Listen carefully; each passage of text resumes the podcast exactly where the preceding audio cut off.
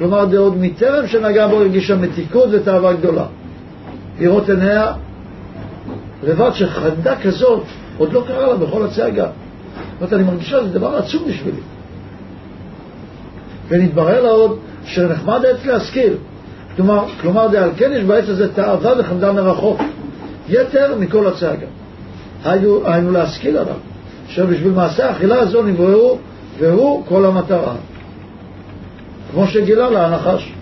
מה זה הדעת? עץ הדעת? עץ הדעת זה שאני רוצה שיהיה לי גילוי. דהיינו שאני אראה את השכר במצווה. שאני רוצה את השכר במצווה. ואם אני רוצה, רואה את השכר במצווה, אז אני מרגיש כמה הבורא הוא גדול. אבל מה זה גורם לי? שאני רדוף אחרי השכר ולא אחרי המצווה. כי אם אני עושה מצווה, למשל אני מניח תפילין, או אני שומר שבת, אני אומר, איזה דבר עצום זה, איזה דבר עצום, איזה תורה חכמה, איזה כיף ללמוד תורה, כמה חוכמה יש בתורה, היא מלמדת אותי אפילו איך לעשות מים טהורים שאני מהם בריא. מים קדושים. אני יכול דרך התורה להיות בריא ולהיות עשיר ויהיה לי זיווג מוצלח ומשהו נפלא ממש, לא יאומן. משמע, שפרה שפרה כי תירש גבירתה. לקחתי את הגשמיות, השתמשתי בה לרוחניות. למה לא מגלה לנו הבורא? למה הוא אמר לנו לא ללכת לבחינת הדת? כי צריך לפעול באמונה. והנחש אומר לה, לכי תגלי את הדת, מתוך הדת, אם יש לך דת, דור ההשכלה, שמעתם עליהם? דור ההשכלה, אתה צריך להשכיל, אתה צריך לחשוב לבד מה נכון ומה לא נכון. אתה צריך שהרב יגיד לך מה נכון, אתה צריך שהתורה תגלה לך מה נכון, לך תנסה, תלמד, תשכיל, תהיה בן אדם נאור, אל תהיה כזה פרימיטיבי.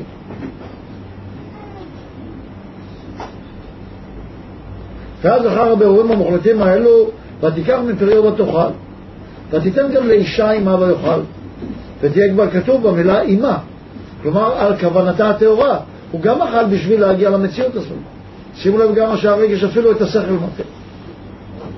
דהיינו רק להשפיע ולא לצרכי עצמו. וזה הוראת הכתוב שנתנה לאישה אימה, כלומר אימה בקדושה. אם כך, מה היה כל כך רע לאכול מעץ הדעת טוב?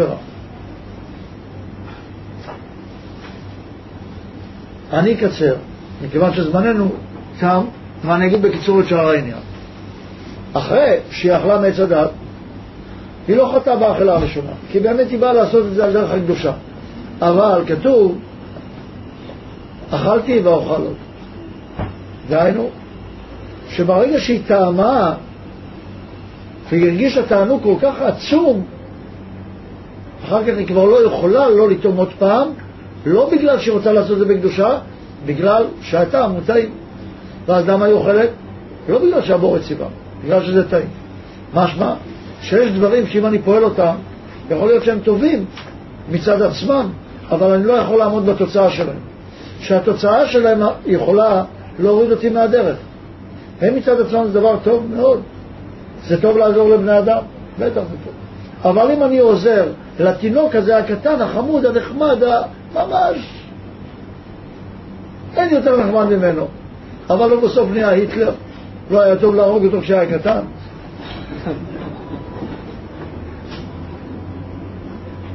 ולכן צריך לשקול היטב אם צריך לרחם על אכזרים, הרי רחמנות זה דבר טוב, הרי אהבה זה דבר טוב. האם לאהוב את הדבר הלא נכון?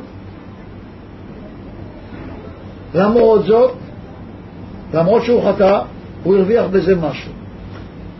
מה הוא הרוויח?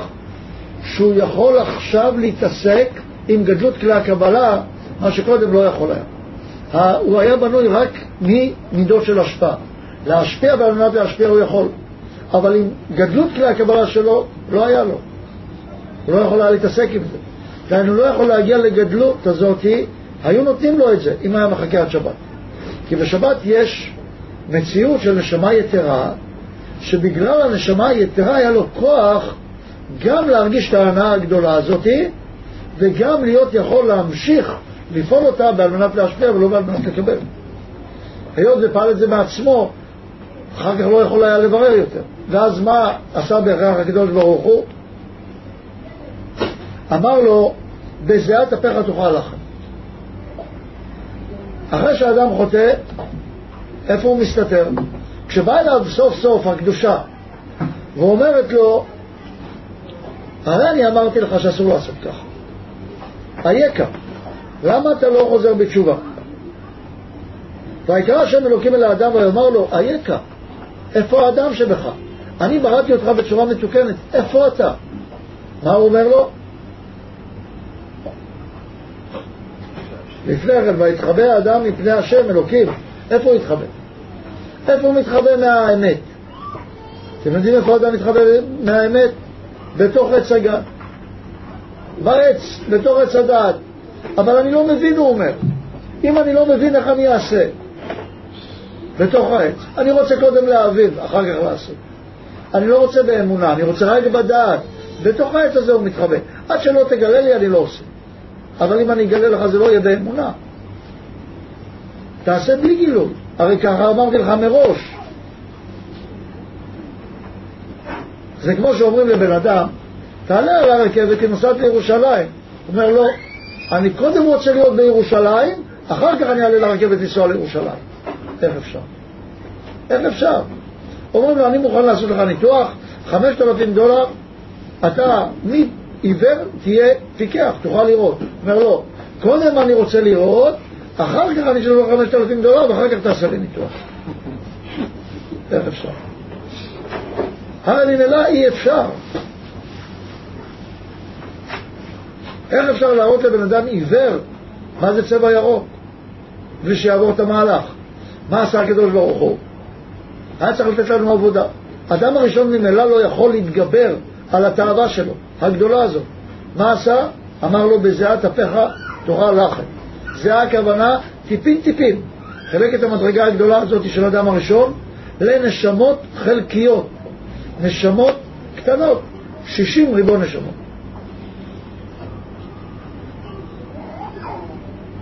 שישים ריבון נשמות שעכשיו צריכים להתגלגל גלגול אחר גלגול כדי לתקן את חטא הדם הראשון.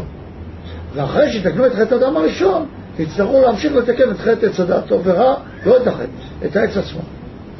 דהיינו להגיע לגילוי ולפעול באמונה, שזה אדם הראשון לא הצליח לעשות. רק אחרי שהוא חטא, גם מה שהיה לו קודם התקלקל.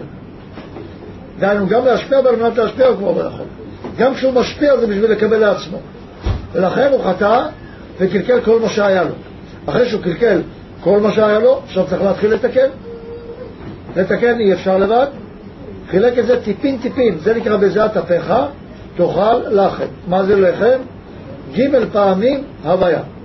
זה לחם, זה החמימות, דהיינו החיות, שבתוך האדם. אתה רוצה חיות, לא תוכל לקבל בבת אחת. קבל חיות, ניקח לך. קבל חיות, ניקח לך. קבל חיות, ניקח לך. קח בטיפין טיפין. ככה אתה תוכל לחיות. כל פעם תקבל קצת וניקח לך. עוד קצת וניקח לך. למה ניקח לך? כי אם לא ניקח לך, לא תמשיך לקבל עוד קצת. וככה אפשר להתחיל לתקן. אי אפשר להרים אלף קילו, קילו קילו. עוד קילו, ועוד קילו, ועוד קילו, ועוד קילו. רק אחר כך תהיה המסה הקריטית שתוכל להגיע לגמר תיקון, אז ייתן לך אפשרות להרים את כל האלף קילו ביחד. אז יבוא מקמציקל, ייתן לך את האפשרות גם לראות את ההטבה הגדולה וגם לפעול את זה באמונה שלמה. כן, גלעד. השאלה אם בהכרח נגיע לגמר תיקון, כי אתה אומר שגם אדם ראשון לא הצליח להגיע לזה, אז מי מבטיח לנו שאנחנו נצליח, בשביל מה לנסות בכלל? שאלה מצוינת. לא אם בטוח שנגיע לגמר התיקון. יש שתי אפשרויות. הבורא ברא את הבריאה כדי להיטיב לנבריו. יש שתי אפשרויות. או שהבורא יתבלבל, או שהבורא לא יתבלבל. או שהבורא יודע מה הוא עשה, או שהבורא לא יודע מה הוא עשה. אולי באמת הוא בנה איזושהי מערכת, לא כל כך הצליח. התפקשש לו משהו לבורא. מי זה הבורא? אנחנו מראש מאמינים בבורא שהוא שלם, שאין בלתו, או הסיבה הראשונית, שאין בה שום חיסרון. ממילא מעצם התפיסה שלנו את הבורא כדבר שלם, לא ייתכן שהוא יתבלבל. משמע, רק יכול להיות שאתה התבלבלת ואני התבלבלתי. שיש לנו הרגשה שאי אפשר להגיע לשלמות. ודאי אפשר להגיד שהבורא התבלבל.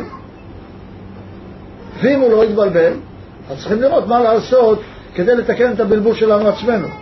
את הבלבול מתקנים על ידי גלגול. טוב. אז רק כדי לסיים לומר, שחטא הדם הראשון זה חטא של כל אחד ואחד מאיתנו כל פעם מחדש. דהיינו, אנחנו רוצים להשיג יותר ממה שמגיע לנו. רוצים לקבל מה שלא מגיע לנו. זה גרם לאדם תמיד לצרוך יותר ממה שהוא צריך.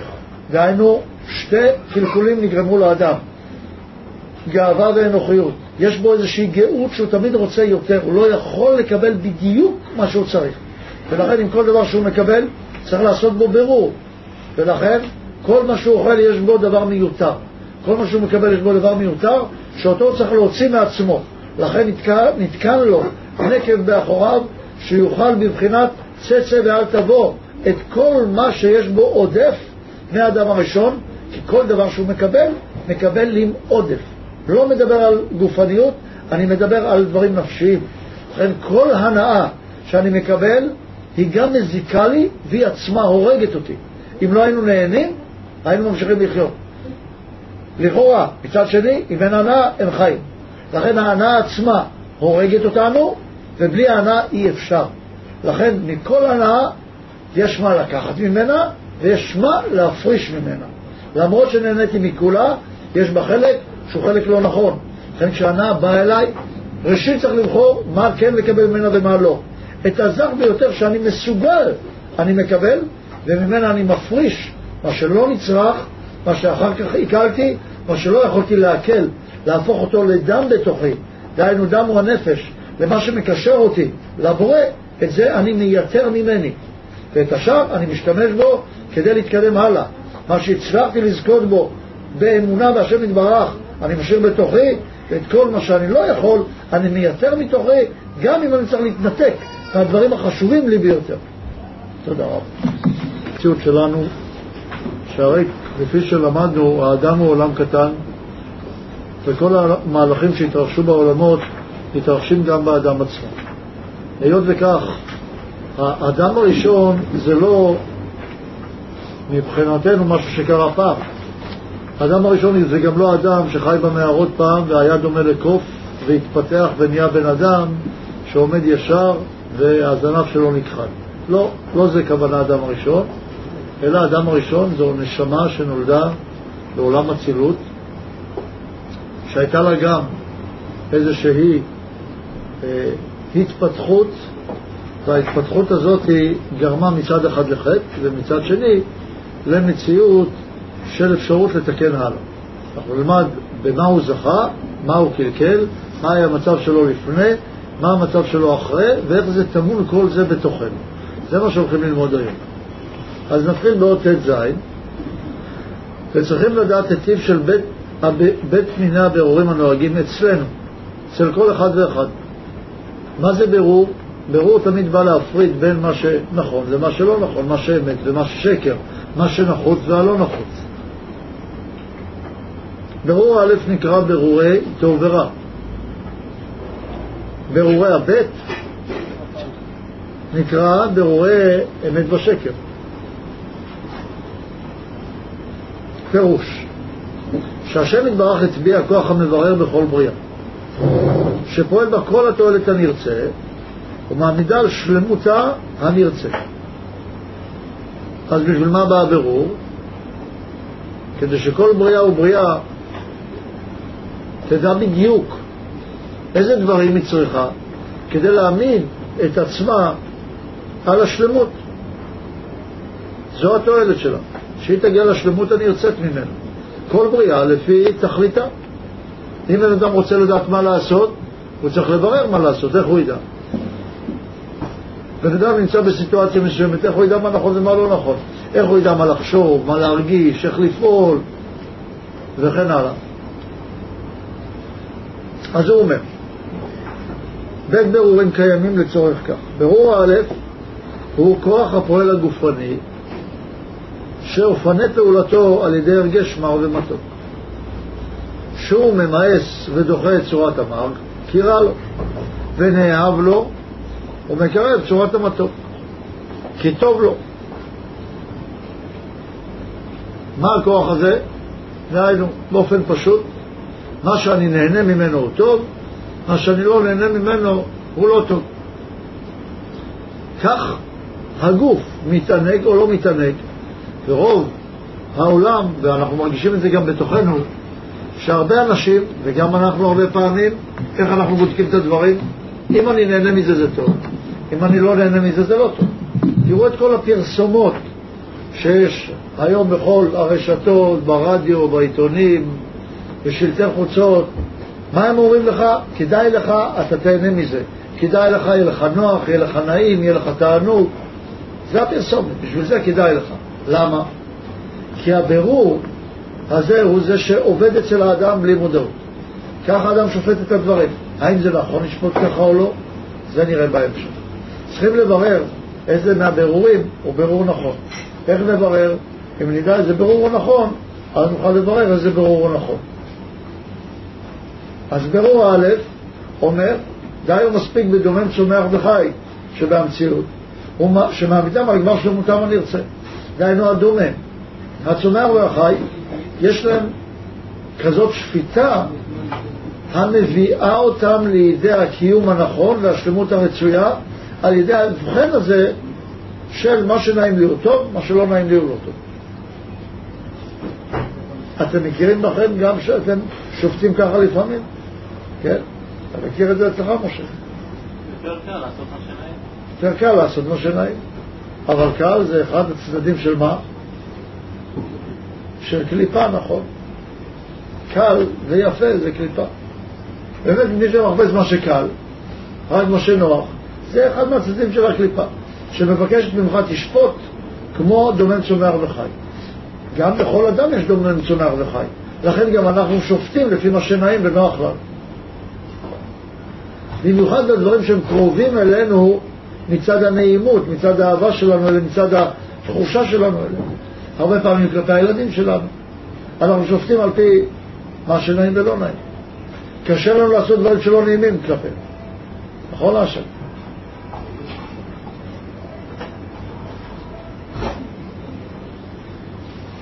אז זה מספיק לדומם צומח וחי. אבל מי שרוצה להתעלות מעבר למדרגת החי שלו,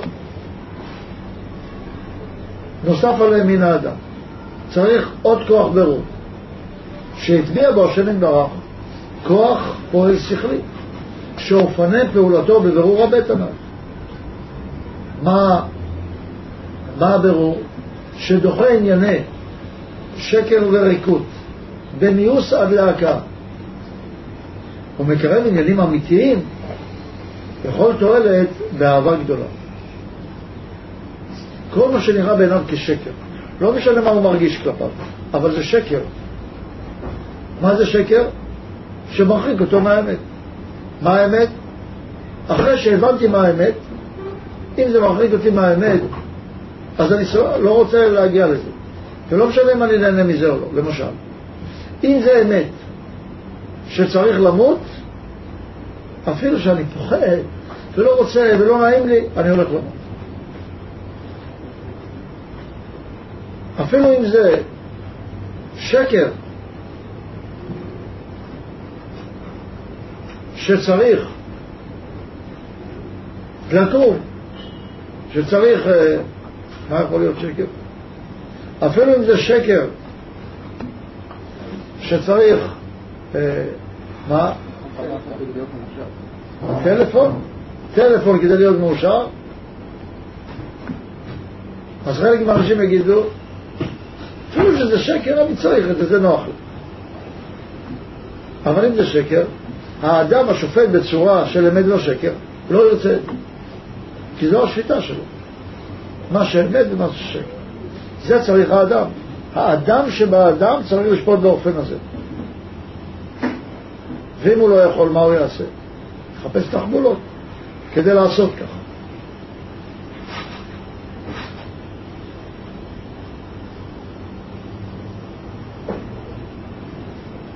וברור הזה נקרא ברור אמת בשקר, ואינו נוהג זולת במין האדם, כל אחד ואחד, לפי שיעורו, מה שיעורו, לפי כמה שהוא אדם. ותדע שכוח הפועל הזה, הבט, נברא והגיע לאדם בסיבת עטיו של הנחש. כי מצד היצירה שנוצר האדם, לא היה לו זולת כוח הפועל א', מבררי טוב ורע. זאת אומרת שהדבר מתוקן כשעורמת הנחש לא חודרת לדבר המתוקן הזה, אז לא צריך ברור של אמת ושקר. למשל, במה אין לנו, לא צריך ברור של אמת ושקר? במה למשל, מה אתם אומרים? נכון, בסדר מאוד, לנשום. אני לא צריך כל רגע ברגע לחשוב, רגע, זה אמת לנשום או לא אמת לנשום? זה אמת שהריאות שלי יפעלו ככה או לא נכון? זה אמת שהלב שלי יפעל בצורה כזאת או לא אמת? לא צריך לחשוב מזה בכלל. אלא הגוף שלי מברר לנכון. אם עכשיו אני מרגיש שאני צריך לנשום אוויר, אני יושב, צריך להוציא אוויר, אני מוציא. יש דברים שאני אפילו לא מודע להם, יותר טוב אפילו שאני לא מודע להם. כי בלי מודעות אי אפשר להבחין בין טוב ושקט, בין אמת ושקט. לכן יש את הדברים שבהם אני אבחין בין אמת ושקר, ויש דברים שאני לא צריך להבחין בהם בין אמת ושקר. בדברים שפועלים באופן אוטומטי אצלי, או בדברים שתלויים, בדברים שתלויים בגופניות שלי, בדומה צומח וחי שבי, שעוד לא התקלקלו, אני לא צריך את האמת בשקר, כי הם פועלים בסדר. רק ברגע שהתערבה יד אדם בת דומה צומח וחי שבי, יש אפשרות שהיא קלקלה בו. כמו שאפשר לקלקל את הכלב, לאלף אותו, לעשות דברים לא טובים. אבל לא מצד עצמו הוא בסדר, כלפי עצמו. אז זה שני מיני הבירורים שנוהגים, וכל מה שאנחנו צריכים ללמד בשקר, זה דווקא בעטיו של הנחש. בקורס על אה, מודעות, שם יש הסבר מפורט איך קובעים אמת ושקר, איזה דברים מותר לנו לשפוט, איזה דברים באים על ידי הדמיון, מתי מותר לדמיון להתערב, וכן הלאה. עד כאן יש שאלות? עד כאן יש שאלות. טוב, נעבור לאות י"ז. כן, בבקשה. לא, שאלה, יותר אה, בירור. אה, באדם יש, אדם, אה, בהמה חי צומח, אם הבירור נעשה על ידי הבהמה שבי, במה הוא שונה מאשר שהוא נעשה מהאדם שבי? זאת אומרת, הבהמה היא גם, אין לה את ה... אין לה נטיות, היא מה שהיא, זה מה שהיא מקבלת. היא לא... דווקא אצלנו כן, כן הבירור נעשה, אנחנו... כמו שהרב הביא דוגמאות, אנחנו... הבירור שנעשה על ידי החיץ, הבהמה שבי, ומה הוא שונה מהבירור שנעשה על ידי האדם שבי. האדם שבך שופט בין אמת ושקר, והבהמה שבך שופטת בין טוב ורע, בין מה שמענה אותך למה שלא מענה אותך. ולפעמים, בבהמיות הפגומה שבך, אתה שופט בין טוב, בין טוב לרע. דהיינו מה שמעניין אותך ומה שלא מעניין אותך, למרות שאסור שם לשפוט כך. כי שם צריכה להתערב יד אדם. למה? כי גם את הבהמיות שבך, וגם את הצומח שבך, וגם את הדומם שבך, אתה צריך לפעול על פי האמת. בתוך האדם יש דברים שהתקלקלו כבר. בסיבת החטא, תכף נראה את זה. ולכן הוא חייב לפעול בבירור של אמת ושקר. והוא לא יכול יותר לפעול בגלל חטא הנחש בצורה של טוב ורע. הוא כבר לא יכול לומר מה שמענה אותי זה טוב ומה שלא מענה אותי זה לא טוב. לכן בתור אדם אתה צריך להתחיל לשפוט. אם אני נהנה למשל מלאכול, כל דבר אני אוכל בגלל שאני נהנה ממנו, הנה אני יודע חזיר, אני לא מרגיש שזה מרחיק אותי מהקדושה, אבל אני יודע בשכל שזה מרחיק אותי מהקדושה, אני לא אוכל חזיר. למה? כי יש לי ברור שכלי כזה, שזה שקר. אבל אין לי ברור שזה דבר לא נעים. אז למה אני עושה את זה? הרי זה נעים לי לאכול חזיר, זה טעים לי לאכול חזיר, אבל התורה אומרת לי שזה שקר, ואני קיבלתי בשכל הטהור שלי שהתורה מדוברת אמת. ובשכל ביררתי וראיתי שזה דבר לא טוב. או למשל, דוגמה יותר פשוטה מהחיים, בן אדם יודע שכאשר הוא כל הזמן מבקר את אשתו, הם מתנתקים. הוא יודע שזה לא טוב בשכל, אבל ברגש, פשוט כל פעם מרגיזה אותו, הוא לא יכול לא לבקר אותה. מה הוא עושה, מבקר אותה או לא מבקר אותה? אם הוא אדם, הוא לא מבקר אותה. אם הוא לא בן אדם, אז הוא מבקר אותה. זה פשוט מאוד. שאלה מה מניע אותו. האם מה שמניע אותו הוא הבהמה שבו, או מה שמניע אותו זה האדם שבו. אם מה שמניע אותו זה האדם שבו, אז הוא ישפוט על פי אמת בשקט. בן אדם מעשן. הוא אומר, אני יודע שזה לא טוב לעשן, אבל אני נהנה מזה, מה לעשות? אז מה לעשות, לעשן או לא לעשן? אם הוא בהמה, הוא ימשיך לעשן. אם הוא אדם, הוא לא ימשיך לעשן. אז צא המצאה כמה בהמות מסתובבות על שתי רגליים. הרבה. רק יש דרך להפוך את הבהמה שבי לאדם. איך? צריך להתחיל לשפוט על פי אמת ושקר, והבהמה צריך להגיד לה דיו, אויסה, ימינה, שמאלה, למשוך במושכות לכיוון הנכון. שאלה, אם הסוס מוביל את המרכבה והוא הולך קדימה, זה לא אומר שהוא בעל הבית, אפילו שהוא ראשון והולך קדימה. אפילו שההטבה היא הראשונה שמתעוררת, הבעל הבית שיושב בתוך הקרון, הוא צריך להגיד לסוס לאן לנסוע. הסוס לא צריך לנסוע לאן שהוא רוצה. התאווה זה הסוס. והשכל, השכל זה העגלון.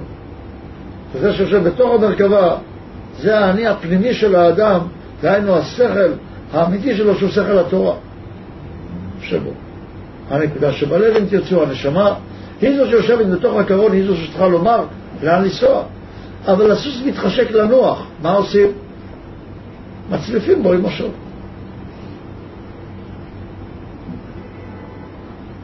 זה מה שצריך לעשות. עכשיו תשאלו את עצמכם אם אתם מוכנים להצליף לסוס שבכם עם השוט, בגלל שהנשמה אומרת אחרת. אבל היא נכבדת בתוך הקרון, אף אחד לא רואה אותה. אבל אתה יודע שהיא קיימת. אתה יודע שהיא קיימת. עכשיו מה תעשה? כל אחד ישאל את עצמו. כן, בן. אות י"ז ואתה נביא לעומת הנחש אשר חז"ל הוסיפו להודיענו אשר עשה היה מתלבש בו דהיינו מפני שגברו דבריו מאוד. והנה פתח באף כי אמר אלוקים לא תאכלו מכל עץ עץ הגן פירוש שנכנס עמה בדברים הוא רצה להיכנס עם האישה בדברים באמת ככה אמר הבורא איך הבורא אמר? אף כי אמר אלוקים לא תאכלו מה זה לא תאכלו? למי הוא אמר? הוא אמר לאדם הראשון לא תאכל מה זה לא תאכלו? כלל גם את האישה כאילו גם היא מצווה פירוש שנכנס עמה בדברים והיות שהאישה לא נצטוותה מפי הקדוש ברוך הוא כנודע ועל כן שאל אותה על דרכי הבירור כלומר הוא שואל אותה מאין תדע שנאסר עץ הדת?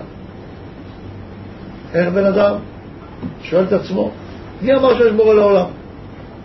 מי אמר שזאת הדרך הנכונה? מה העבודה הזאת לכם לא לאכול מעץ הדת? כך שואל אותה הנחש. מה הוא אומר לה בעצם? מה זה נחש? איזה בא מילה נחש? איזה... ניחוש, נכון? הוא אומר לה, האמת שלך זה רק ניחוש. מי אמר שזה אמת? מה היא צריך לעשות? מי שאומר מה העבודה הזאת לכם? מה צריך לעשות לו, אורי?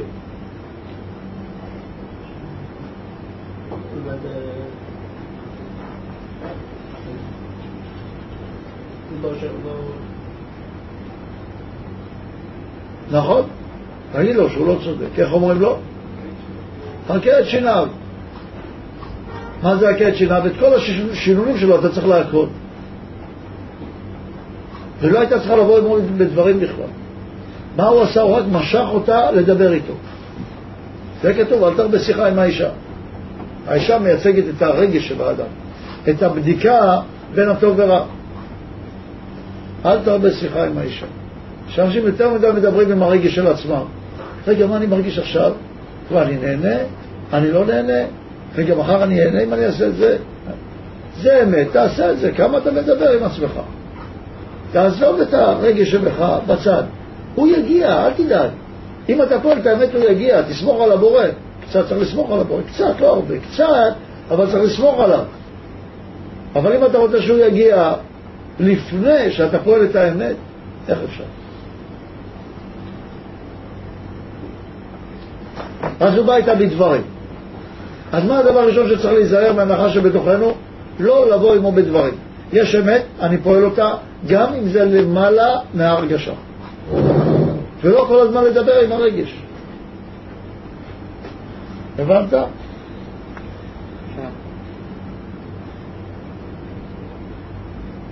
מה הוא שואל אותו? מאין תדע שנאסר עץ הדת? אולי נאסרו לכם גם כל פירות הגן? רגע, אם זה אסור, למה אחרי דבר אחר מותר? בטח הכל אסור. ואנו לוקחים את זה לדיוטה הקיצונית.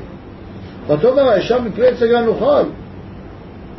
הרי הוא שאל אותה שאלה רק כדי שתגיד, אה, אבל זה מותר, אז הוא בא איתה בדברים. אתם רואים? ככה גם אתם רוצים לעשות הפוך לבן אדם, שאתם רוצים לבוא איתו בדברים, תגידו לו דבר אחד שהוא לא נכון, ודבר אחד שהוא כן נכון, ואז יהיה לו מה לענות. אתם נותנים לו אפשרות לענות לכם. איך? תאר לך דבר לבן אדם, אתה אומר לו, אתה בעצם אף פעם לא למד המחשבים. נכון? אתה לא יודע כלום, אתה אף פעם לא למד המחשבים. ואם אני אומר את זה ליוסף, אני אומר, מה זאת אומרת לו? הנה תעודה, באתי איתו בדברים. אה, אתה ראית תעודה? מאיפה זה? משם. שם יודעים מחשבים. מה זה מחשבים? עכשיו יודעים מה המילה מחשבה. אתה יודע מה זה לחשוב? אם אתה לא יודע מה זה לחשוב, בוא תלמד קבלה, תדע מה זה לחשוב. אבל הייתי צריך לבוא איתו בדברים. הרי מחשבה זה מוח שווא, מה צריך לשוב, מה זה לא חוזר, איך יוצרים מחשבה, מאיפה מתחילה המחשבה. אתה רואה? לא למדת מחשבים. מה למדת? אה, טכנאות, משהו, אני יודע, מה זה בכלל? קוראים לזה מחשבים, מחשבים, מחשבים. רק באים בדברים. איך באים בדברים? אומרים לך דבר שמבחינתך הוא בטוח נכון. הוא אמר לה, לא תאכלו ואתה אומר, האישה מפרץ הגן, נאכל וכו'. אבל יראה מה עוד משהו. שימו לב, כשבאים כבר לדבר איך נכשלים, לא תאכלו ממנו ולא תיגעו בו, פן תמותון. ככה היא אמרה. ויש כאן בין דיוקים גדולים. במה שהיא אמרה לנחש. א', הנגיעה. לא נאסרה מעולם. ועל מה הוסיפה באיסור שמע ולא תיגעו? אתם רואים? הרגש כשמתווכח, לפעמים אומר דברים שהם מעבר לאמת, מעבר לנכון. למה? הרגש רוצה להעצים דברים. לפעמים אתם מרגישים את זה, אתם מדברים עם מישהו רשם מאוד, שבתוככם, אותה נקודה שחסרה לו, היא פתאום הכי חשובה בעולם. בדיוק את זה הוא רצה תמיד, ורק זה הוא רוצה. וכל שאר הדברים פתאום הופכים להיות פחות חשובים. הוא רוצה את הכיסא הזה עכשיו, תראו אצל ילדים קטנים. אני חייב את זה, חייב לך, אני לא יכול בלי הצעצוע הזה. ואם אין לך את זה, בוכה, צועק, מתפתל, מה קרה? מה לקחו לך? גולה, יש לך מאה גולות במגרה, גולה אחת לקחו לך. לא בדיוק את הגולה הזאת רציתי. איך זה? ככה אנחנו גם עושים.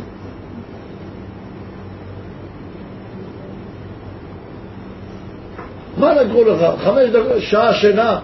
בדיוק את השעת שינה הזאת אתה צריך. ישנת כבר תשע שעות, שמונה שעות. באים אליו אותך בשעה שלוש לפנות בוקר, בדיוק את החצי שעה הזאת אתה צריך. זה מה שמפריע לך בחיים, החצי שעה הזאת. הרי אתה אמרת שתקום. למה אתה לא קם? למה אתה לא יכול לעמוד במילתך? זה בגלל העצמה של הרגש. הרגש אומר באותו רגע שאתה רוצה לקום? הוא מעצים את הדבר, אומר, את החצי שעה הזאת אני צריך, לא יותר. חצי שעה הזאת הופכת להיות שעתיים שלוש, אבל את החצי שעה הזאת הוא צריך. הרגש מעצים דברים, האישה מעצימה את הדברים כשהיא באה לדבר עם הנחש. מה היא אומרת? לה אמרו לא תאכלו. היא מעצימה אומרת לא תיגעו. הוסיפה באיסור. והטילה ספק בדברי השם יתברך עד ושלום. שהשם יתברך אמר מות תמותון, ומה האישה אמרה? פן תמותון. היא לא סומכת לגמרי על הבורא. והייתכן שלא יאמין לך חס ושלום מדבר השם עוד מטרם החטא? אמנם האישה ענתה לו על פי שאלתו של הנחש.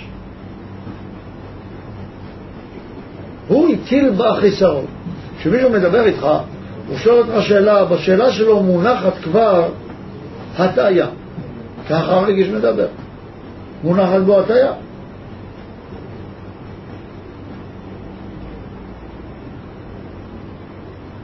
ועל כן ידע מה שעשה השם, כי כל עצי הגן מתוקים ונחמדים וראויים לאכול. מה שאין כן זה העץ אשר בתוך הגן כבר הייתה בו בקירוב לנגיעה, וטעמה בזה טעם קשה כמוות. והיא שהוכיחה מעצמה שמצד הבירור שלה יש חשש מיתה אפילו על הנגיעה. ולכן הוסיפה להבין במצוות האיסור על מה ששמע מבעלה. אתם מכירים את החמורים האלה, את המחמרים האלה, סליחה? שאומרים להם צריך לעשות ככה, ככה אומרת התורה, והם מוסיפים על זה עוד עשרים דברים. למה? מה אמרו לך יותר? אמרו לך את זה אתה צריך. למה מחמרים? ועכשיו אתה אומר לא טוב להחמיר במצוות.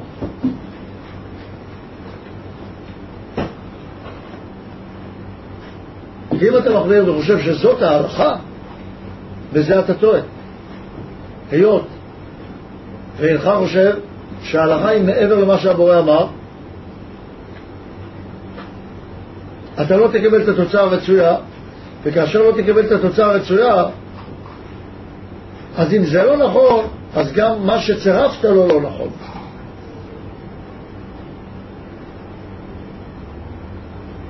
והיא הוסיפה להבין במצוות האיסור על מה ששמע מבעלה. כן חכם כבעל ניסיון. ופנטם מונטור סובב על הנגיעה. והיא אמרה ולא תיגעו. אז על זה שהיא אמרה לא תיגעו, כבר הייתה צריכה לומר פנטם מונטור.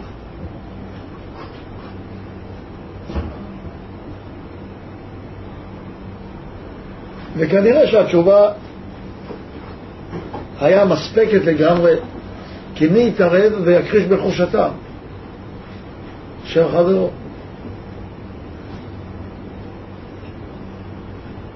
היא אמרה פן, פן תמותו, ומה אמר לה הנחש? הוא הכחיש אותה, אמר לא מות תמותו. את אומרת שאת תמותי? בוא נראה. איך היה לי חבר פעם, היה קטן, שיחק איתי כדורסל, אמר לי, אתה אומר שאסור, הנה אני אומר עכשיו, אני מקלל את הקדוש ברוך הוא חס ושלום, קילל אותו, אומר, נו, שיעשה לי משהו, נראה אותו. נו, שיעשה לי משהו, מה... הנה, אני מדליק אש בשבת, טיק, אש. נו, מה קרה לי? שום דבר לא קרה לי. כשמלמדים את הילדים, פעם קרה, מלמדים אותם פה, במקומות, חלק מהמקומות החרדים, אם אתה תעשה כך וכך, יהיה לך דברים נוראים בחיים. קורה מצב שהבן אדם קצת מתפתח, הולך לחבר, לחבר יש אינטרנט, רואה כל מיני דברים, נוסע קצת החוצה מבני ברק, מהמקומות החרדים, פתאום רואה, יש אנשים אחרים, אין להם קרניים על הראש והם בלי כיפה. ואין להם ארוך של פיל, והם דווקא אנשים אינטליגנטים. הם נראים כמוני, רק לא חרדים. לא חרדים וגם בני אדם, גם מנומסים, לא בהמות כמו שסיפרו לי שהם רק בהמות. הם מתנהגים יפה, עומדים בתור, אדיבים, מנומסים, פיקחים, מבינים עניין. מה קרה? משמע שאם זה אמרו לי לא נכון, כל מה שאמרו לי לא נכון. זה שגם התורה לא נכונה? והרבה ילדים יורדים, נערים יורדים מהדרך אחד מהסיבות. זה אחת הסיבות שבגללם יורדים מן הדרך. צריכים לגלות להם את האמת, שהדברים האלה לא בהכרח מופיעים אצל החילונים. אצל החילונים יכול להיות הכל מאוד יפה, ומאוד נחמד, והם יכולים להיות אדיבים, ומנומסים, ונקיים, וזריזים, ו... ומחושבים, והמילה שלהם היא מילה, וכן הלאה. זה הכל טוב ויפה. רק מה הפנימיות אצלם רקובה. אבל אם יגידו שהפנימיות אצלם רקובה, אז הילדים ישאלו, רגע, אז מה הפנימיות במצוות? מה, צריך רק להניח תפילין מבחוץ? יש פנימיות במצוות, מה היא? מה הם יעשו? הם לא לומדים פנימיות, אז הם יגמגמו. ככה היא עשתה, היא לא למדה פנימיות התורה. חבל. למה? כי היא רק קרוביות חבל. אם לא נכנסים לנקודת העומק הפנימית ויודעים זאת האמת, והחיצוניות זה רק לבוש. אז כשלא מתקבל הלבוש, אני עושה את המצוות החיצוניות, ואני לא נהיה עשיר. ואני עושה את המצוות החיצוניות ומסלקים אותי מגוש קטיף. אז מה, אוי ואבוי, אז מה, משהו לא בסדר עם הבורא כנראה. או שהבורא יתבלבל, או שיישוב הארץ זה לא המצווה, או שכבר הכל לא נכון. כי אם עשיתי משהו והבטיחו לי שזאת המצווה, זאת ממש המצווה, אז הכל לא נכון. למה זה נכון וזה לא נכון? מה ההבדל? פה התיישבתי וסילקו אותי, ונתתי את כל כולי לזה. באתי ונלחמתי ועשיתי והפגנתי ושעות ושנים השקעתי כאידיאולוג, שרוצה לעשות את מצוות התורה, ואמרו לי שזאת המצווה, להתיישב. והמצווה החיצונית יש בה הרבה מאוד, ופנימיות טוב, אחר כך, נו, זה נדבר אחר כך. ולא עשיתי את הפנימיות, ואני רואה שלא קיבלתי את התמורה. אז אם זה לא נכון, למה להניח תפילין? זה נכון. אולי אני כל חיי תפילין וגם מזה לא יצא לי כלום.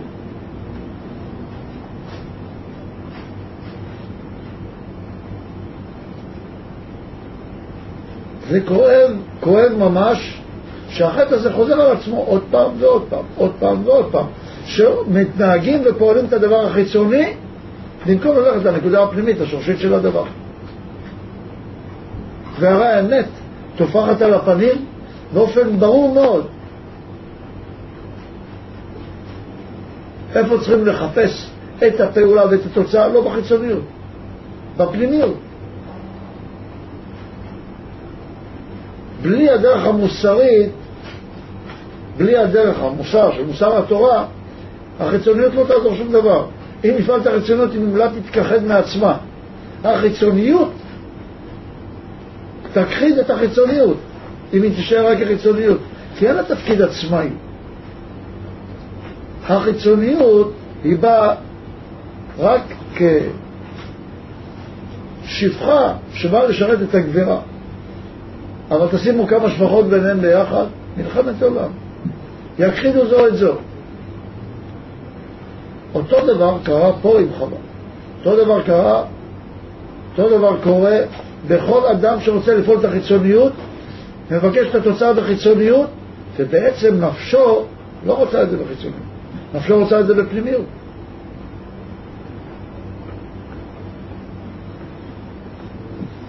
אנחנו רואים... כן, שמי מיכה. אתה אמרת שהמצוות חיצוניות בסופו של דבר, אה, בסופו של דבר, אה, מצוות חיצוניות בלבד, כאילו, האדם, זאת אומרת, רואים שזה לא מחזיק מעמד, אבל אנחנו רואים שהעם היהודי מקיים מצוות חיצוניות, רובו מקיים מצוות חיצוניות בלבד כבר מעל שלושת אלפים שנה, וזה כן מחזיק מעמד, ורואים שיש איזה ערך נצחי. שהחינוך שמחנכים מדור לדור זה, אה, זה לחיצוניות בעיקר, אצל רוב עמך זה כן מחזיק מעמד. אז, אה, ועוד שאלה, אם אפשר לגבי, אה, שמעתי שכאילו המעשה שהנחש פיתה את חווה ואת אדם זה דווקא כאילו, זה דווקא, אם נסתכל על זה מנקודת מבט קבלית זה טוב כי הוא העביר אותה מבירור של מר במתוק לבירור של אמת ושקר שזה בירור יותר גבוה אז בסופו של דבר זה דבר שבא ככה שמעתי, לטובת אה, אדם וחווה, שזה העביר אותם לבירור יותר נעלה, למרות שזה הביא להם ייסורים. טוב, נענה ראשון ראשון ואחרון אחרון. בקשר לשאלה הראשונה, שלושת אלפים שנה מחנכים לפי דבריך על החיצוניות, ובגלל זה היהדות נראית ככה. אם היינו מחנכים שלושת אלפים שנה לפנימיות, כבר לא היה צריך את החיצוניות בכלל. זה שאנחנו עדיין לא זכינו לאחישנה, ואנחנו נמצאים עדיין בעיטה, זה אומר שאנחנו מקבלים בעיטה מהבורא, שהוא אומר לנו, בחיצוניות לא צריך לפעול. זה נכון, שהחיצוניות משמרת את החיצוניות. אבל, ויש לה אידיאולוגיה גדולה מאחוריה, אלמלא הצדיקים, ששמרו לנו את הגחלת הפנימית של היהדות, היהדות הייתה נכחדת, לא החיצוניות שמרה. הפנימיות שמרה. רק מה, ודאי שלכל דבר פנימי כזה צריך גם חיצוניות. אנחנו לא אומרים חס ושלום שלא צריך את החיצוניות. החיצוניות, לא רק שצריך אותה, היא הכרחית, אי אפשר בלעדיה. אבל לבדה היא תכחיד את עצמה. לכן, ודאי צריך את החיצוניות. אסור אפילו לפספס מצווה אחת מהחיצוניות. צריך את כל החיצוניות קלה כחמורה, אבל לדעת שהחיצוניות היא רק אמצעי, היא רק שלב ראשון כדי להגיע לפנימיות. ומי שמגיע למצב שחושב שהחיצוניות היא הדבר ושוכח להמשיך ללכת בדרך, הוא לעיתים מקלקל יותר מאשר מוסיף. אם לא הייתה אפשרות ללכת קדימה, היה שואף לזה, והיה רוצה להגיע לירושלים בכל מאודו, אבל לא יכול. אין לו כוח לזה עדיין. זה לא חטא. אבל אם כבר זה מופיע כלפי הציבור, וזה כבר מגולה ולא רוצה, זה נראה שהוא מזלזל ביהדות. עד כדי כך שזה חטא גדול היום לא ללמוד פנימיות התורה. זה חטא, זה לא רק, טוב אז לא התקדמתי, זה חטא לא ללמוד פנימיות התורה. על כן האדם צריך לשים לב טוב בליבו לכך. שאלה שנייה, בקשר לחטא אדם הראשון, האם זה לתועלת? התשובה היא ודאי. יש בזה גם תועלת. אנחנו נראה בהמשך מה התועלת שבזה ומה החיסרון שבזה. אין דבר כזה שהיה מהלך במציאות ואין לו תועלת. אפילו אם בן אדם עישן סמים, אפילו אם בן אדם מת, אפילו אם בן אדם נסע להודו, יש לזה ערך ותועלת. רק אנחנו צריכים לדבר מצד דרך ההליכה. האם היה אפשר לקיים את אותו דבר בלי חטא או לא? אם היה אפשר לקיים את זה בלי חטא, ודאי עדיף. כך כתוב בחלק ט"ז בתלמוד עשר הספירות, שאם בן אדם היה ממתין ולא היה חותם בין הארבעים, והיה מחכה עד שבת ממש, היה יכול לקבל את אותה תוצאה, אבל בלי חטא. ולא חיכה. היות ולא חיכה, והבורא לא מתבלבל, דהיינו שהאדם חייב להגיע לגמר תיקונו, אז יגיע לאותו דבר, אבל בייסורים. לכן, זה שהדבר מקדם, זה שהדבר הביא לתוצאה חיובית, זה לא אומר שהדבר הוא נכון. למשל, בן אדם אומר, תשמע, אני הייתי פושע גדול, השלמתי סמים וחזרתי בתשובה. בגלל שראיתי שזה כבר לא טוב. אז מה עכשיו? נתלה פה שלט, אנחנו פה מוכרים סמים ומדרדרים לפשע, למה? כי ככה ראינו אנשים חוזרים בתשובה. שבן אדם אומר, תשמע, אני נסעתי להודו, הייתי בכל מיני, הייתי באשרם, ושם למדתי את התורה ההינדית, את כל באגבת גיטה למדתי בעל פה, נגיד זה הרבה, את כל הפרק הראשון למדתי בעל פה, ולאחר מכן חזרתי, זה העיר לי את הדרך לחזור בתשובה. אז מה? אז נחלק פה כרטיסים להודו? או שבן אדם אומר לי, תשמע, אני למדתי במכון הזה או במקום הזה, ושם חזרתי בתשובה. האם זה אומר שזה טוב שם? לא בהכרח. זה רק אומר שאפשר גם דרך שם. אבל אפשר גם בדרך אחרת. אפשר גם בדרך של בירור אמיתי, בלי צורך בייסורים כל כך הרבה. בלי צורך לרדת כל כך עמוק ולהיות בביב שופכים כדי ללכת להתקלח. אפשר לא להיות בביב שופכים וללכת להתקלח בגלל טעמים של ראייה קדימה ולא שהאיסורים מכריחים אותם. דברים שתמיד אה, הפריעו לי בהקשר הזה של צורת הסברים של העולם הדתי על המציאות זה שתמיד אומרים לך, שמע, תעשה את זה כמו שאני רואה היום הרבה בכל מיני מקומות שאומרים לך לרבנים, אומרים לך, שמע, תתפלל וזה, אתה תתפלל מספיק, אז לא יהיה פינוי. ואחרי שיהיה פינוי, לא יהיה לך בסדר, לא התפללת מספיק. עכשיו, אתה מבין, זה נראה כאילו תמיד כזה מנסים לסדר את התוצאה כזה אחרי שירו כבר את החץ. זה דבר שתמיד מאוד עצבן אותי. אז לא אתה הולך אליהם, תבוא לא, משהו אחר. לא, לא, לא. אני רק מדבר על צורת תפיסה כזאת שאני רואה אותה בכל מיני מקומות.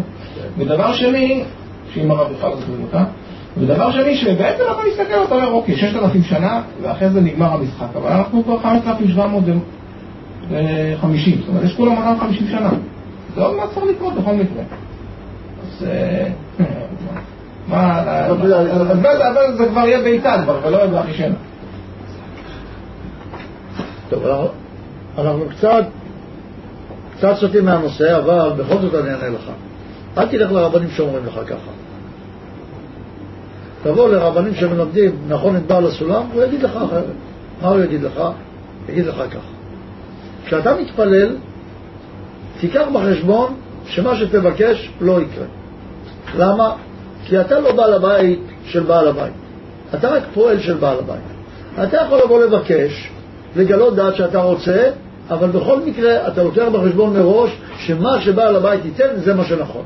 אם אתה לא הולך בגישה כזאת, ואתה חושב שאם תבקש חזק אז הוא ייתן לך, זה שקר. זה רק אומר שאם אתה תבקש מספיק חזק, אז הוא יעשה מה שאתה רוצה, הוא לא נתון לך. אתה לא יכול לעשות את הקדוש ברוך הוא כאחד שנתון לך.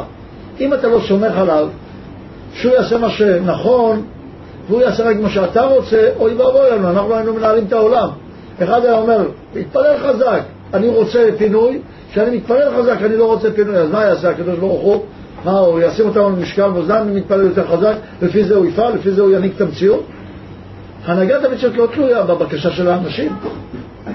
הנהגת המציאות תלויה ברצון הבורא. רק אני מגלה דעת. כל התפקיד שלי זה ליצור בי השתוקקות נכונה. אם יצרתי השתוקקות נכונה, ההשתוקקות הנכונה היא התפקיד שלי. התפקיד שלי, כמו שאמרנו, לא להזיז את הבניין, התפקיד שלי רק לרצות שהבניין יזוז. אם הוא יזוז או לא יזוז, זה רצון הבורא. אם, הבורא, אם אני רוצה מאוד שהבניין יזוז והבורא לא רוצה כרגע שהבניין יזוז, זה בסדר גמור. זה העבודה שלי. העבודה שלי לא אומר שאם אני אתפלל חזק שירד גשם, ירד גשם. לא. לי יש תפקיד לרצות שירד גשם. זה הכל. אם אני רוצה שירד גשם זה מספיק. בזה אני עשיתי את מלאכתי. לא לך מלאכה לגמור. אין אתה רשאי להיבטל ממנה. הבורא יעשה את גמר המלאכה, כפי שהוא רוצה. ואם אני רוצה שהוא יעשה כפי שאני רוצה, משמע, אני רוצה שאני אהיה בעל הבית והוא יהיה הפועל שלי. דהיינו, מה אתה רוצה עבור? אתה רוצה תפילה? כמה אתה רוצה? פעמיים ספר תהילים, שש פעמים ספר תהילים, אני אקרא לו בעיה. כמה? מאה שקל? מתי? כמה אתה רוצה שאני אשלם? כמה שאתה רוצה שאני אשלם, אני אשלם, רק תן את המוצר. ואל תכחש, התפללתי, אין פינוי. ככה אתה יכול לבוא בטענה לבורא? אתה בעל הבית שלו? מה זה מסחר עם הבורא? אני אראה לך את מה אני מבקש, אני אהיה לטוב, אני אתחנן על מה שאני רוצה, אבל אם אתה תיתן לי משהו אחר, אני צריך לצאת בריצה וריקודים ושמחה גדולה מהפינוי, למה? כי הגעתי להכרה שככה הבורא רצה, אפילו שרציתי אחרת. זה גילוי שם השם הגדול בעולם. שאם הבורא רצה ככה, זה הדבר הגדול בשבילי, שזה מה שאני רוצה. כי אני רוצה את רצון הבורא, אני לא רוצה את הרצון שלי. רק כשאני לא יודע מה רצון הבורא, אז אני אומר מה אני משתוקק אליו. אבל כשהבורא רוצה ככה, מה השאלה? על מה אני אתאבל? על מה שהבורא רצה? חס ושלום. לעשות קריאה, להגיד זה אני לא רוצה, בוודאי יש שאלות, הרבה, זה שמתאבלים על מישהו שנפטר, הרי אם הבורא רצה שהוא ייפטר, גם צריך לשמוח, יש על זה הרבה שאלות, צריך לדון על זה במאוד מאוד, אבל ודאי הוא דבר אחד ברור, שאם הבורא עשה משהו, הבורא לא מתבלבל, וזה הדבר הטוב ביותר עבורי, מה שהבורא עשה. כן? אז מישהו אומר לך שאתה מנהל של בעל הבית, אז תדע לך שזה לא נכון. אתה לא מנהל של בעל הבית. יש בעל הבית אחד, ששות היחיד אחת, ואם אתה רוצה שהוא ינהל את העולם, תסמוך עליו.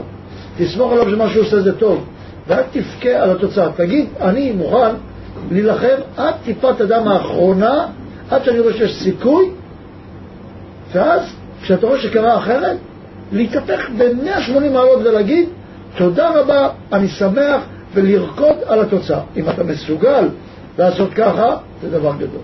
אם אתה לא מסוגל לעשות ככה, תפיק מזה גם תועלת. איזה תועלת תפיק מזה? למשל, רק אתן לך דוגמה. אם אתה יודע שהפינוי זה דבר רעל בשבילך, ואתה לא רוצה שיפנו, כל מה שאתה צריך לעשות קריאה, אם אתה מתפנה, זה לא על זה שיפנו את גוש קטיף, אלא על זה שלא יפנו את ירושלים. על זה תעשה קריאה. כי המתאבל לא מתאבל על המת, הוא מתאבל על עצמו. האבל בא בשביל החי, לא בשביל המת. כך אומר הרמב"ם. אתה מתאבל על המת, אתה, ברוך דיין אמת. אתה צריך לשמוח על מה שהבורא עשה. כי אם הוא הרג אותו, ודאי שגם צריך להיות. מקרובי הקדש. אבל זה עניין אחר. נחזור לעניינים.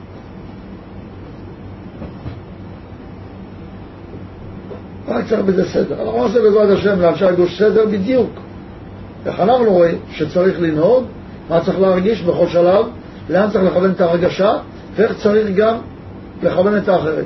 ואם ככה יפעלו בעזרת השם, יצאו מזה, ולא משנה מה יקרה, מחוזקים יותר ממה שהם היו לפני כן.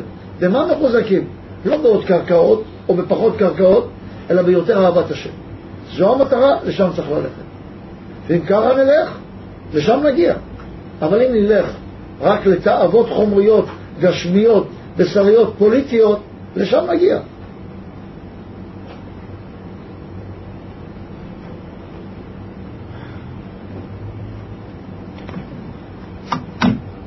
טוב, נראה.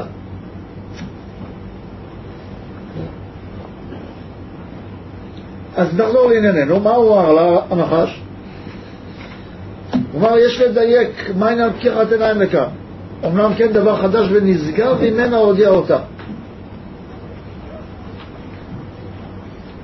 שהוכיח להם שטיפשות היא לחשוב שברא השם דבר רע ומזיק בעולמו. יכול להיות שהבורא עשה דבר רע בעולם? לא יכול להיות.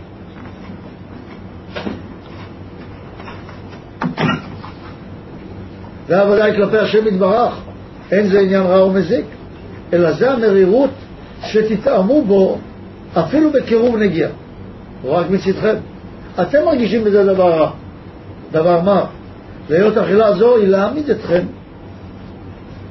על גובה מעלתכם, ועל כן לקדושה יתרה אתם צריכים. בית המעשה, שיהיה כל כוונתכם להשפיע נחת רוח לא יתברך. ואם ככה תעשו, אז אתם מסוגלים ובעצם הכל מותר. הרי אם הבורא ברא את זה בעולם, צריך ליהנות מזה. לא יכול להיות שהבורא ברא את זה בעולם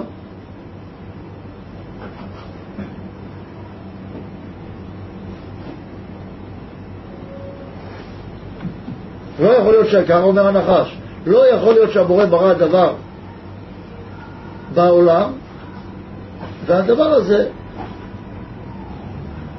לא בא לידי שימוש של האדם. יכול להיות, הרי כתוב, חז"ל הרי אמרו, אומר לנחש, נחש אומר לחווה, הרי חז"ל אמרו שהעולם הוא מרכז, שהאדם הוא מרכז העולם, והכל נברא בשבילו. אם הכל נברא בשבילו, מותר לו להשתמש בהכל. ואם כך, אז כדאי לו לאדם להשתמש בהכל, רק מה? שיכוון על מנת להשפיע. אבל אם הוא לא יכול לכוון מנת להשפיע, מה הוא יעשה? האם בכל זאת מותר? ואם אין דרך לכוון בזה על מנת להשפיע?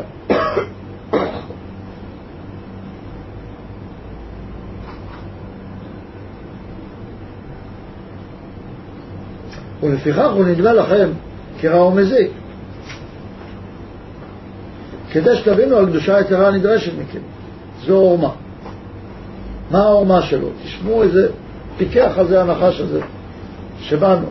מה הוא אומר לנו? אומר לנו, תדעו לכם, מה שהבורא אומר לכם לא לעשות, זה בשביל שכן תעשו. זה מזכיר, מאוד מזכיר לי מה שקרה אצלנו בבית המדרש. הרבש עולה על הדוכן, אומר, מי שמדבר בתפילה, שילך הביתה. פה צריכים לקיים הלכות. אחד החברים באו ואומרים, אה, הוא סתם אומר, הוא אומר את זה רק כדי לנסות אותנו לראות אם אנחנו באמת תקועים בחיצוניות. אז אומרים, אומרים, אתה יודע מה, בוא נלך לשאול אותו. הורים שואלים אותו, הוא אומר, אל תקשיבו למה שהוא אומר, הוא מדבר מהזיות ליבו, חייב לקיים הלכות. אתם רואים, אמרתי לכם שהוא אומר לכם את זה סתם כדי לראות, לנסות אתכם. הלכתם אליו, אז הוא רוצה לנסות אתכם. מה, הוא יגיד לכם שהוא רוצה לנסות אתכם? ודאי שהוא רוצה לנסות אתכם, הרי הכל פנימיות. ואחר כך שואלים אותי באיזה מורה לבחור.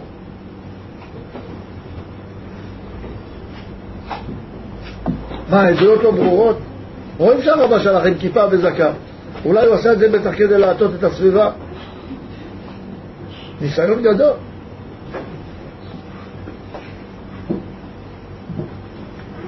והוא, בטח הוא עשה את זה קנוניה כזאת, עם בעל הסולם והארי והרמב"ם, וכולם עשו קנוניה להראות לנו שהכל חיצוניות, רק כדי לנסות אותנו, אולי אנחנו סוף סוף נתפכח, שנבין לא צריך חיצוניות. ממש, איך אפשר ככה להיות? טוב. מה? עוד לא הבנו. אורית שואלת אותי פה באינטרנט, איך יודעים איפה האמת חבויה? לדוגמה, שלוש, שלושה מורים רציניים מייחסים לעצמם את ממשיכי דרכו של בעל הסולם. מעניין מי אלה. ושונים בקיצוניות זה מזה. אז איך נוכל לדעת? את צריכה לשאול את כל אחד מהם. לראות. כפי שאת מבינה, שם תוכלי לשפוט. את לא תוכלי לעשות דבר שהוא לא לפי גובה ההכרה שלך. תקשיבי לדברים באופן ההכרתי הכי גבוה שאת יכולה.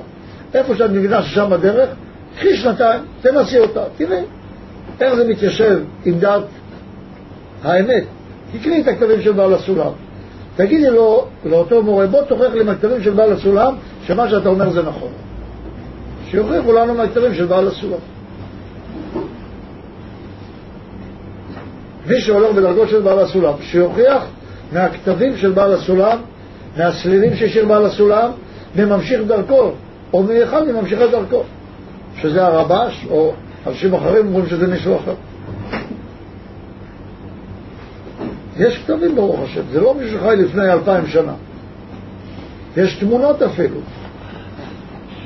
יש אפילו עדויות חיות מאנשים שהיום חיים, שהיו איתו. יש היום? יש עוד אחד אני חושב. יש. הרב אשכנזי. הוא חי פה בבני ברק, אולי כבר בבית אבות, הוא בן 90 ומשהו, אבל הוא עוד חי. אפשר ללכת לשאול אותו, מה אמר בעל הסולם? זה לא מסובך. הוא ישמח לענות, איש חביב, באמת איש כל כך חביב, היה אצלנו בסעודות, היה רוקד עם המקל, היה אדם שמח מאוד. אפשר ללכת לשאול אותו. זה לא מסובך. אבל הוא גם, אולי גם הוא שייך לקנוניה הגדולה. זה גם יכול, גם זה אפשר לו. אבל לענייננו, מה העורמה הגדולה של הנחש?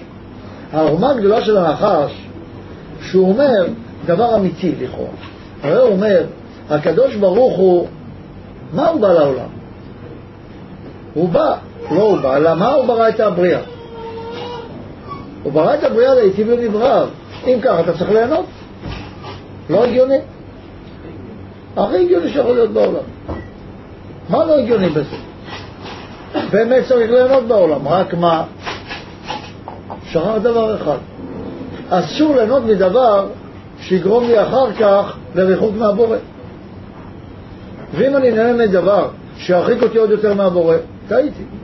זאת אומרת, יש הנאה נכונה ויש הנאה שהיא אינה נכונה. אפילו שבטבעה ההנאה היא נכונה, הרי היא באה בלבוש. ויכול להיות שהלבוש מקלקל את הטבע של המלובש. זאת אומרת, ההנאה זה אור. אור המלובש בכלי. אבל יכול להיות שאור מלובש בכלי עכור. והאחרות של הכלי מפריעה לי לבנות כלי אמיתי ונכון להלביש את האור.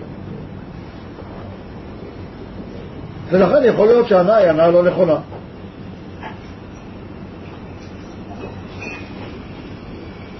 נראה הלאה.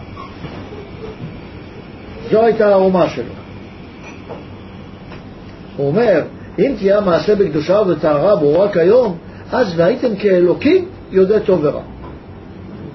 כלומר, כמו שכלפי השם יתברך, הוא ודאי מתוק בהשוואה גמורה, כי יש משהו שהבורא לא טוען בותם של מתיקות, אתם תהיו כמו הבורא.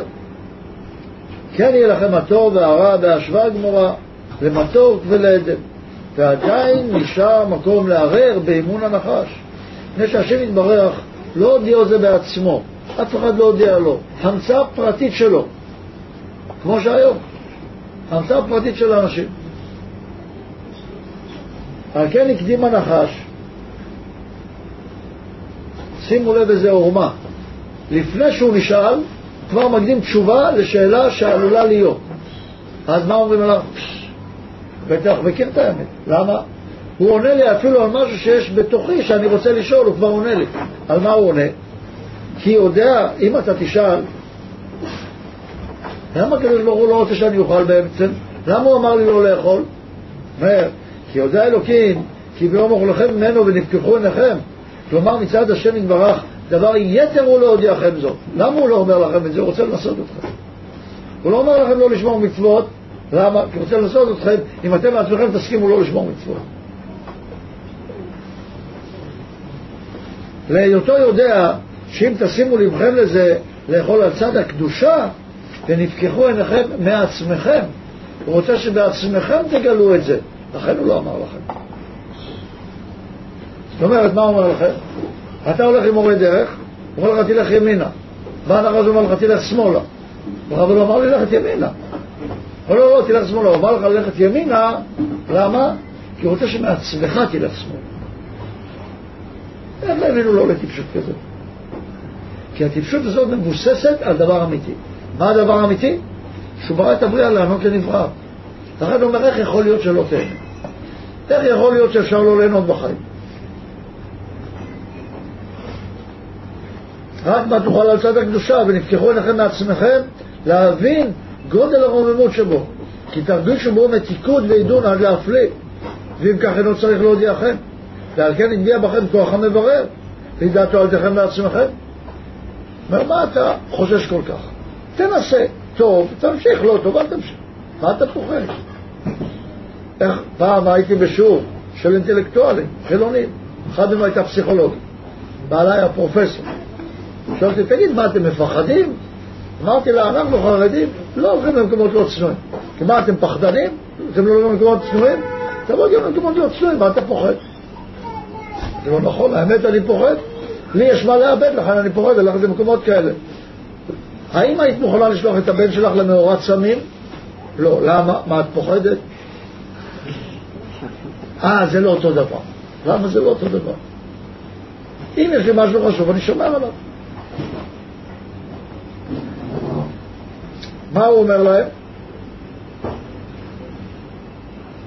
תבדקו לפי הניסיון. תנסה, מה יכול להיות? אבל לא כל דבר מותר לנסות. יש, אמרו לי כבר מה נכון ומה לא נכון. לא על פי הניסיון בודקים. יש אמרה כזאת בפי העם, אמרה שגויה. אם לא תנסה, לא תדע. נכון? ככה אומרים. אתם יודעים מה אתם צריכים להגיד להם? אם לא תנסה לקפוץ ממגדל עזריאלי, לא תדע מה זה. אולי תנסה. הוא לא מוכן לנסות אותו אחד שאומר, אם לא מנסים לא יודעים. אז למה אתה לא מוכן לנסות? יש דברים שלא צריך לנסות. שהשכל הישר בורר לי את הדבר בלי ניסיון. הניסיון הוא תחושת הגוף, והגוף משקר. דהיינו, בנה, ברא באדם חלק שהוא שקרי, שהוא לא יכול להשתמש בו. ומה הנחש אומר לו? תשתמש. זאת אומרת, היא בעצם, מה היא עשתה? היא התחילה לחשוב על שאלות של מי ומה. מי השם אשר אשמע בקולו, ומה העבודה הזאת לכם. בעיקר, השאלה מה העבודה הזאת לכם. הוא לא אמר לה אין בורא. יש בורא, רק הבורא רוצה את זה ממך. ואם הבורא רוצה דווקא את זה ממך, אז זה את צריכה לעשות. אבל הוא אמר לי משהו אחר, על זה אין תשובה. הרי אני יודעת שזאת העבודה. ועל זה הוא שואל מה העבודה הזאת לכם. ולכן, לא רק את זה שהבורא קיים צריך לקבל בוודאות מוחלטת, דהיינו באמונה, אלא גם את מה שהבורא אמר לה, שזאת הדרך, שהתורה אמרה לה שזאת הדרך, צריך לעשות בוודאות מלאה. באמונה מלאה. אמונה אינה לשכל. אמונה זה דת. דהיינו, מה הוא בא ואמר לה? אמר לה, תנסי. מה עושים במדע? מנסים. עושים זה ועוד זה, מנסים, יוצא טוב, יוצא טוב, לא יוצא טוב, לא יוצא טוב. מה היית צריכה להגיד לו? אתה צריכה להגיד לו קבלה, זה דת, זה לא מדע. זה דת. ואת דתי המלך אינם עושים. יש דת, יש חוקים למלך. את חוקי המלך צריך לעשות. למעלה מהדת. אומר כתיב ותראה האישה כי טוב העץ למאכל וכי תאווהו לעיניים בעצם זה נשמע הגיוני מה שאתה אומר. פירוש שלא שמחה עצמה על דבריו אלא שלחה ובררה מדעתה ותבונתה והקדישה את עצמה בקדושה יתרה. דהיינו אמרה אני הולכת למקווה אני מתארת אני עושה צום יומיים שלושה אני מקטירה קטורת מתפללת והולכת לאכול חזיר שזה יהיה בקדושה כבר. כמו הסיפור על שני אנשים, לא זוכר אם מהסיפור הזה, אולי עם חזון איש, ששני בחורים ברחו מהישיבה, והם הלכו לאיזה אישה מחוץ ככה, לאיזה כפרית שהייתה נואפת. באו, חזרו, קרא להם לשיחה, כל החברים עמדו בחוץ, נכנסו אחד אחד. הראשון נכנס, חוזר, מה קרה? זרק אותי מהישיבה. כשאני נכנס יוצא, מה